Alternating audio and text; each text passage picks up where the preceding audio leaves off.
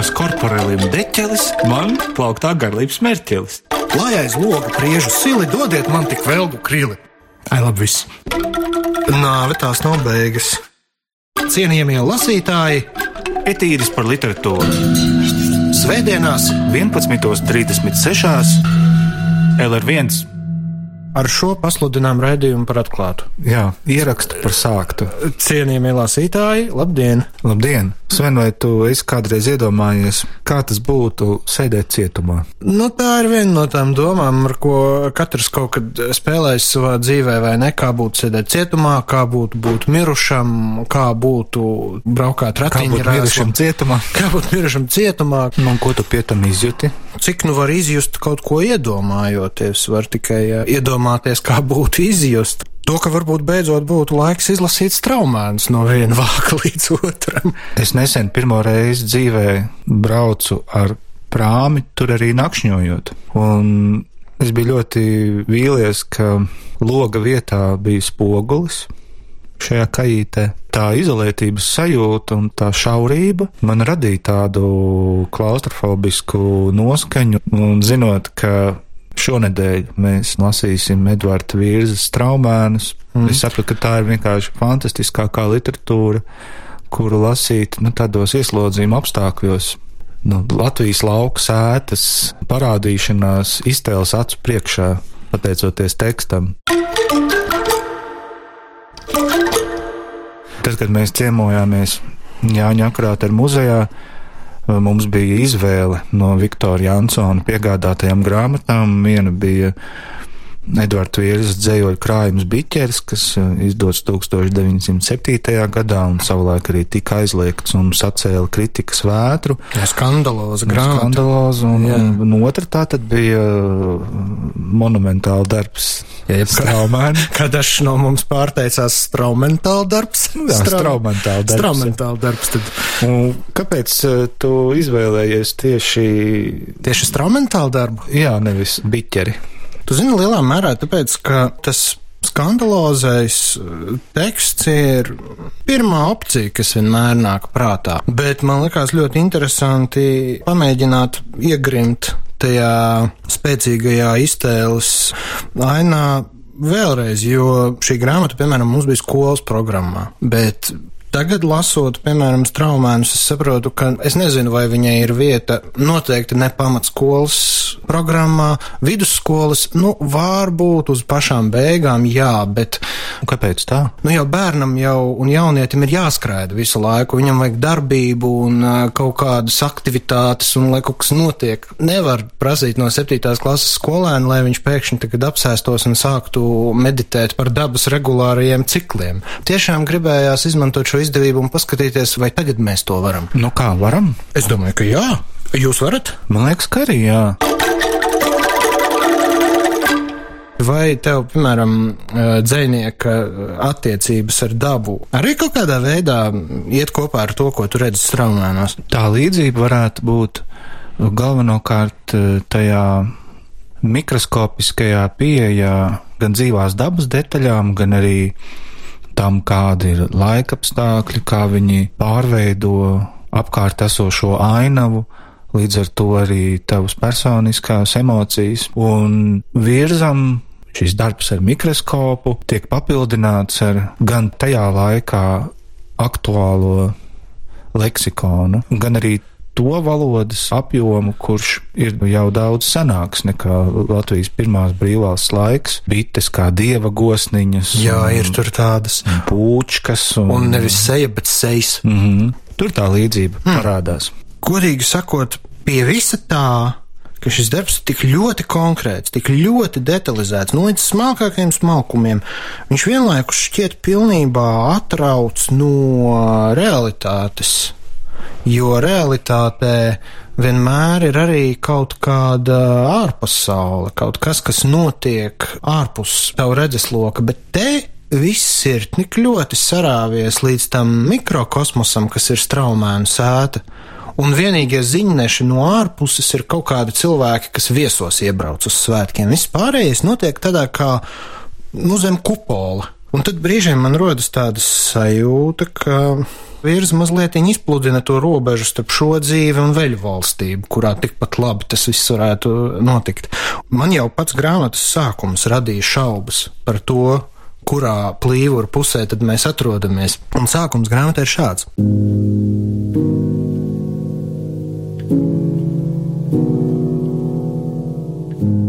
Viens būs rāmā vasaras dienā noraudzījies ezeru, upes vai dīķa dziļumā.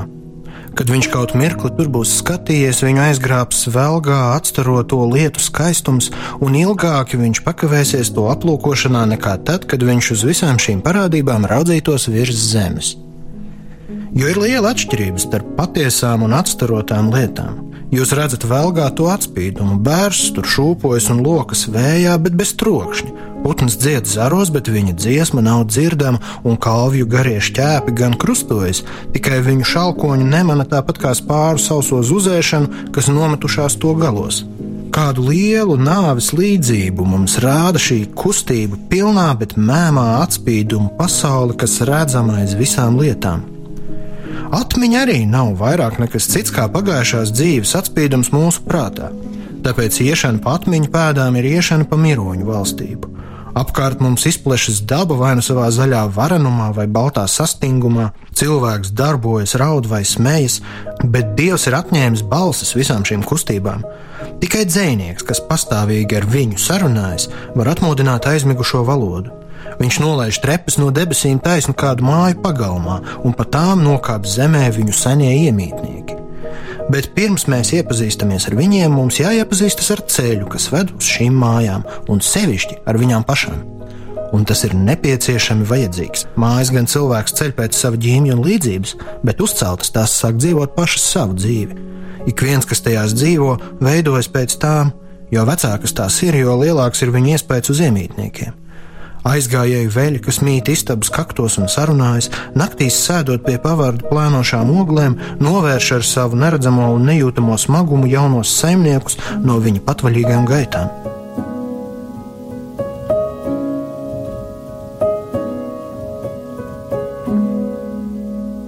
Viens no iemesliem, kāpēc dzēnieks izvēlas nolaist trepes tieši lauku sētā, varētu būt tas, ka Edvards Virza ir lauksaimnieku dēls.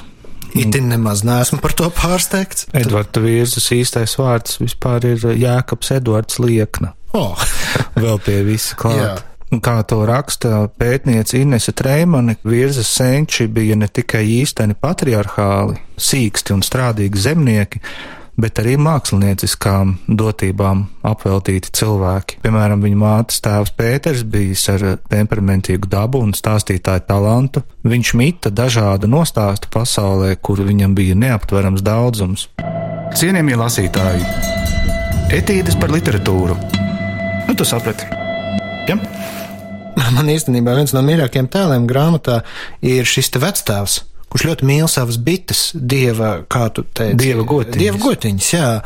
Ka viņam bija ķirškoki ar augušiem zariem, un viņš izcirta bitēm ceļus tajos kroņos, lai viņas var izlidot cauri. Un tas, ka viņš ir, nu jau sev zārku izgatavojis un ļoti gaida, kad viņš beidzot varēs tur nokļūt, un jau tā kā gandrīz vai ar prātu tur ir bet nenostāstos tepat tajā dabas ciklā. Bet, kas attiecas uz nostāstiem, visos straumēnos ir precīzi viens dialogs.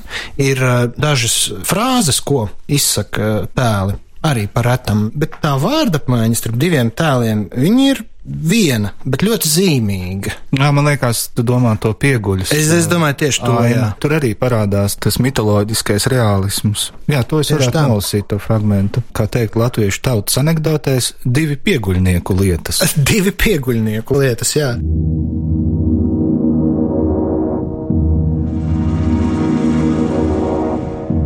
Janka piepieši ievaicājās: Kārli, vai tu tici spokiem? ko nu tur ticēt vai neticēt, bet viņi tomēr ir.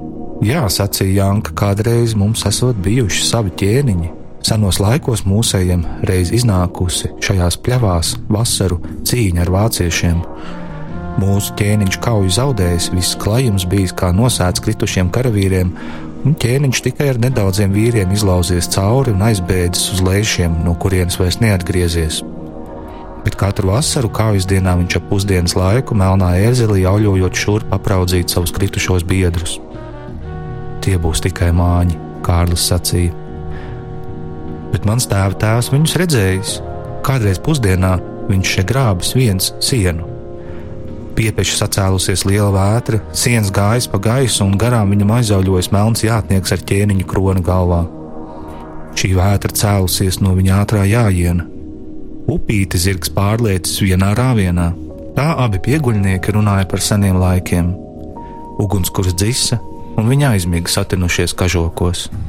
No miglas izlīda māju melnā ērzeļa galva. Viņš pavostīja abus gulētājus un, galvu nodūris, aizlēca atpakaļ pie citiem zirgiem.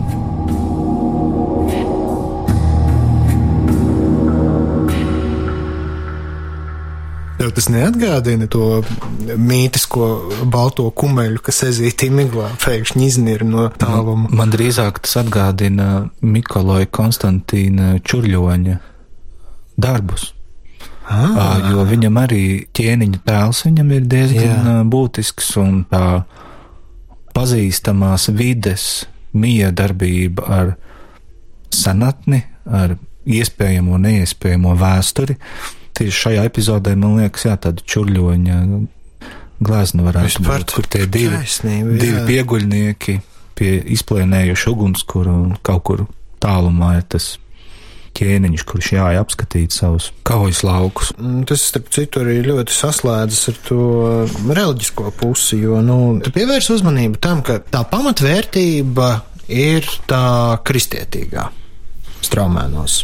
Bībele un svētdiena tur figurē, un uz sprediķiem saime dodas, vārdu sakot, baznīcu godā, bet vienlaikus mīļā māra gar uh, logiem staigā, tad, kad pirtiņu iekur. Man liekas ļoti īpatnē, ka tie vecie dievi ar jaunajiem īsti nekonkurē straumēnos. Viņi vienkārši pieņem, nu, ir mums vieni tādi dievi, vieni šitādi, abi strādā. Nu, Jā, tā, jā, tas jau ir uh, izcenis, tā teikt. Nu, šī paralēlā ticības forma. Bet daudz kur viņa rada sadursmi, un ā, vecie dievi ar jaunajiem nereti, kā zināms, mēdz iet pretrunās, bet šeit kaut kā viņi viens otram netraucē, kas man likās tā ļoti. Jā, bet tas tā kā ar bērniem smilšu kastē, nu, tu vari spēlēties kopā, un tu vari ar savu grābeklīti iesist otram pa pieru, un tāpat arī ar um, reliģiskiem aspektiem. Edvards Virza nesit nevienam ar grābeklīti papīru. Tas man ļoti viņam patīk. Man vēl atsaucoties uz Ines Strēmanas pētījumu, ko mēs varam lasīt apgādes zinātnē izdevumā Latviešu rakstnieku portreti, viņa uzsver to, ka straumēni ir tapuši laikā, kurā progresīvās domas pārstāvju uh, vidū ļoti populāras ir kultūra filozofijas idejas. Un tas teorētiskais plauktiņš, ja tā varētu teikt, kur ir ieskatījies arī virza un tātad dabas ritms un cilvēks kā ne tikai fiziska, bet arī garīga būtne ar iespējamo nākotni. Mm, Arī pēc nāves tur ir gan Nīča, gan Bergsons, gan Špenglers, ar Tegai Gasets, un īpaši ietekme bija Špenglera darbam Rietumzemes bojāji, kurā mm, ļoti uzsvērta ideja par uh, kultūras procesu kā organisku veselumu. Tādā ziņā, ka kultūra nav panteons, kurā nonākt tikai izdarot kaut kādas konkrētas kustības, viņa caurstrāvojas arī vismazākajās ikdienas formās un izpausmēs. tas īstenībā tiešām ļoti nu, labi saskana ar straumēnu, gan formu, gan saturu. Nu, Viņš man drusciņā Henrija Davida Toro atgādina, vai ne? Cilvēku, kurš protestā pret sabiedrības kaut kādām izpausmēm aiziet dzīvot mežā, un viņam bija brīnišķīgs teiciens, ko es tūlīt neprecīzi iztulkošu no angļu valodas, kas bija katrs cilvēks kaut kam tic. Es, piemēram, ticu, ka iešu makšķerēt. Viens tēls gan bija, kuram garīgā un praktiskā pasaule nonāca konfliktā zināmā, bet varbūt arī nē, nevar saprast, tas bija pašās beigās. Ļoti bieži straumēnus apmeklēja kāds cits vīrs, kuru reizes sniegainā un klusā svētdienā ļaudis ieraudzīja pa vārtiem pagalmā ienākam. No priekšas un muguras viņš bija apkrāpies visādām paunām, kas gan papīros, gan lupatās savīstītas bija nokārtas līdz pat zemē. No sākuma nevarēja saprast, vai viņš ir vīrietis vai sieviete, jo bārdus viņam nebija, un garš mētelis līdzīgs sieviešu svārkiem plandījās viņam starp kājām. Tās viņam bija apautas auklām, nosietās kurpēs, kas neturējās kopā, un, kad viņš ienāca istabā, tad ilgāks laiks bija vajadzīgs, lai viņš atsvabinātos no savām nastām. Viņš sacījās, esam mālders, un tā viņa arī iesauca, un neviens viņa patieso vārdu nezināja pat tiem ilgajiem gadiem, kamēr viņš straumēnos nāca un gāja. Tā kā saimniekam bija daži galdi krāsojami, tad viņš šeit tūlīt apmetās uz dzīvi un sāka raisīt vaļā savas paunas, kuras starp neskaitāmos papīrīšos ietītām krāsām bija redzamas dažādas grāmatiņas un bībele, kuras viņš visas tūlīt nolika uz galda un sāka rādīt sievām un vīriem. Tās visas stāstīja par pastardienu, par pestītāju drīzu atnākšanu, tur bija uzbildēta cilvēka sirds, kurā sēdēja vēlns ar mēslu sekumiem, ko svētais gars baloža veidā dzina ārā. Tad Malders atšķīra Bībeli un sāka izskaidrot praviešu grāmatas un Jāņa parādīšanas grāmatu, visus baidīdams ar ēlas briesmām. Viņš bija nonācis uz domām, ka mācītājs sludina nepareizu ticību, un apsteigādams visas zemgājas mācītāju mūžus, mēģināja mācītājus piegriezt īstai ticībai. Runājot par viņiem, Malders sāka skraidīt pa istabu, sita kopā dūris, dievu piesaugdams, un ļaudis brīnījās viņā skatīdamies, līdz visi beidzot saprata, ka viņš ir jucis Bībeli lasot. Bez grāmatām un krāsām viņam bija daudzas paunas, pilnas ar visādiem niekiem, kurus viņš bija salasījis pa mājām staigādams un kurus ar vienu pārskatīja drabošām rokām. Jo liels skopums viņā bija ņēmis mājvietu, kas kā krauklis vilka kopā visu, kam bija kāds spīdums. Tā viņš nedēļām dzīvoja straumēnos, likdams krāsas uz galdiem un krēsliem un ļaudams tām nožūt krāsoja atkal. Tikai, kad ieradās spēlmanis un skandināja istabās jautras dejas, Malders viņā vēlnu redzēdams devās projām, plivinādams vējā savas lupatas, paunām apkrāvies, steigdamies pa ceļiem gar mājām, kur suņi bēga viņu ieraudzījuši, lādēdams dievu, kas bija pasaulē atļāvis vaļu visādiem neliešiem. Ātri steigi sakarsēja viņu domas un nomaļā vietā nosviedis savas mantas, viņš izņēma bībeli, mina to kājām ar nejaukiem lamu vārdiem, redzēdams tajā sava posta cēloni, bet nevarēja nevarēdams no tās vaļā tikt un iztrakojies, lika to atpakaļ paunā un aizgāja pa lielceļu, kur acu priekšā viņam lēkāja eceķieļu un jāņa parādīšanās grāmatas milzīgie tēli. Gribētos vēl paturpināt šo attīstīto domu par cilvēku, kurš dzīvo zem šī kupola, kas ir Jā. šī lauku sēta. Un, jā, vectēva tēls Man patīk, ka viņš nav padarīts par to Sērīgo absolūto, to, absolūto jā. gudrības avotu, bet viņa gudrība ir viņa darbi, ja tā var teikt, vai arī viņa klātbūtne kaut kādā ziņā. Vispār tur gudrība nekad tā īsti pat netiek pieminēta. Viņa vienkārši iet kā zināšanas cauri tām paudzēm. Visi kaut kādi praktiskā ceļā caur tiem gadu gaitā atkārtotajiem darbiem to visu apgūst, un tas arī ir. Nu, es nolasīšu fragment, kas ataino vecā straumēnu saimnieka bērnu dienu. Lūk.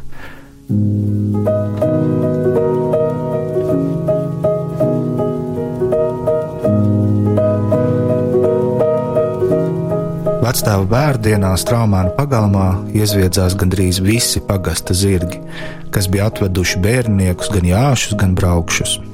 Tagad vectēvs gulēja zem lielā kastaņa, un rudens svētdiena bija tik rāma, ka nemaz neieplīvojās septiņzaraino sveču liesmas, kas apgaismoja iedzeltenās lapu vēlves.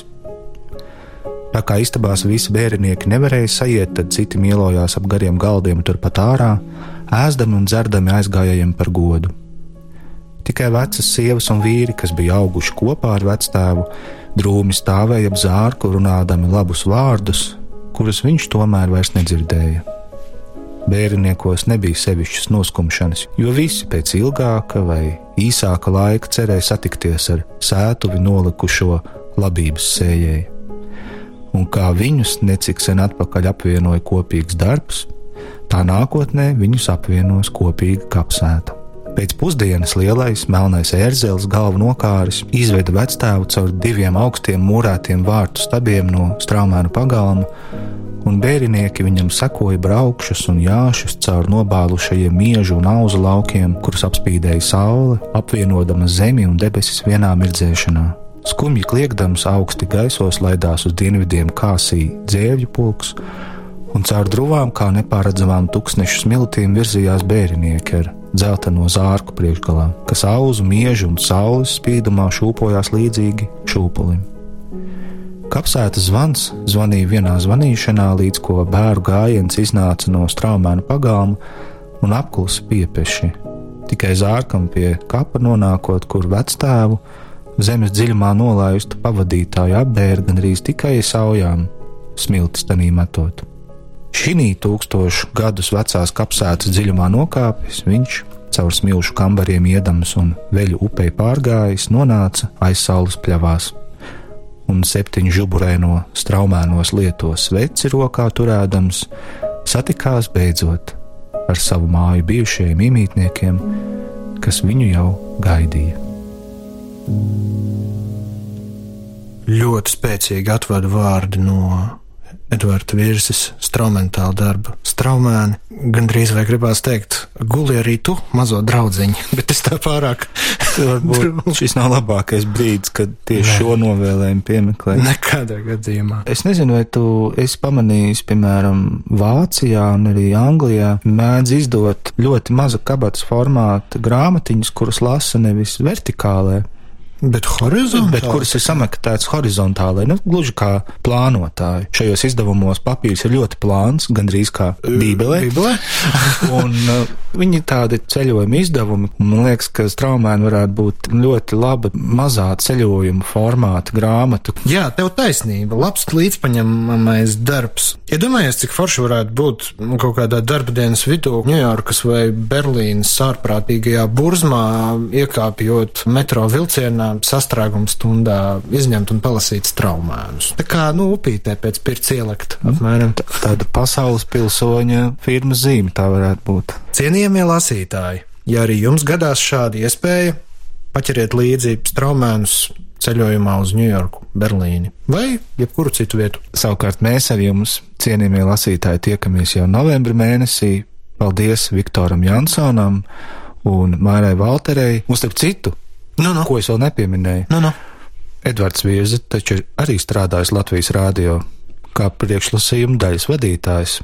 Oh, rekā. Mums beigās vajadzēs taisīt kaut kādu godu plākšņu galeriju vestibilā, kas te, te nav strādājis. Akurāteris tagad virza. Labi, to mums tagad droši vien jāiet ir un jāraksta projekts. Jāmeklē atbilstoši fotorāmīši. Jā, cienījamie lasītāji, mierīgu jums veļu laiku un visu labu! Visu labu! Prom garlaicības krāsmatas, prom garlaicības krāsmatas, prom garlaicības krāsmatas. Es, es gribu lasīt grāmatas. Ja? Mhm. Raidījumā cienījamie lasītāji Etīdes par literatūru Svētdienās 11.36. LR1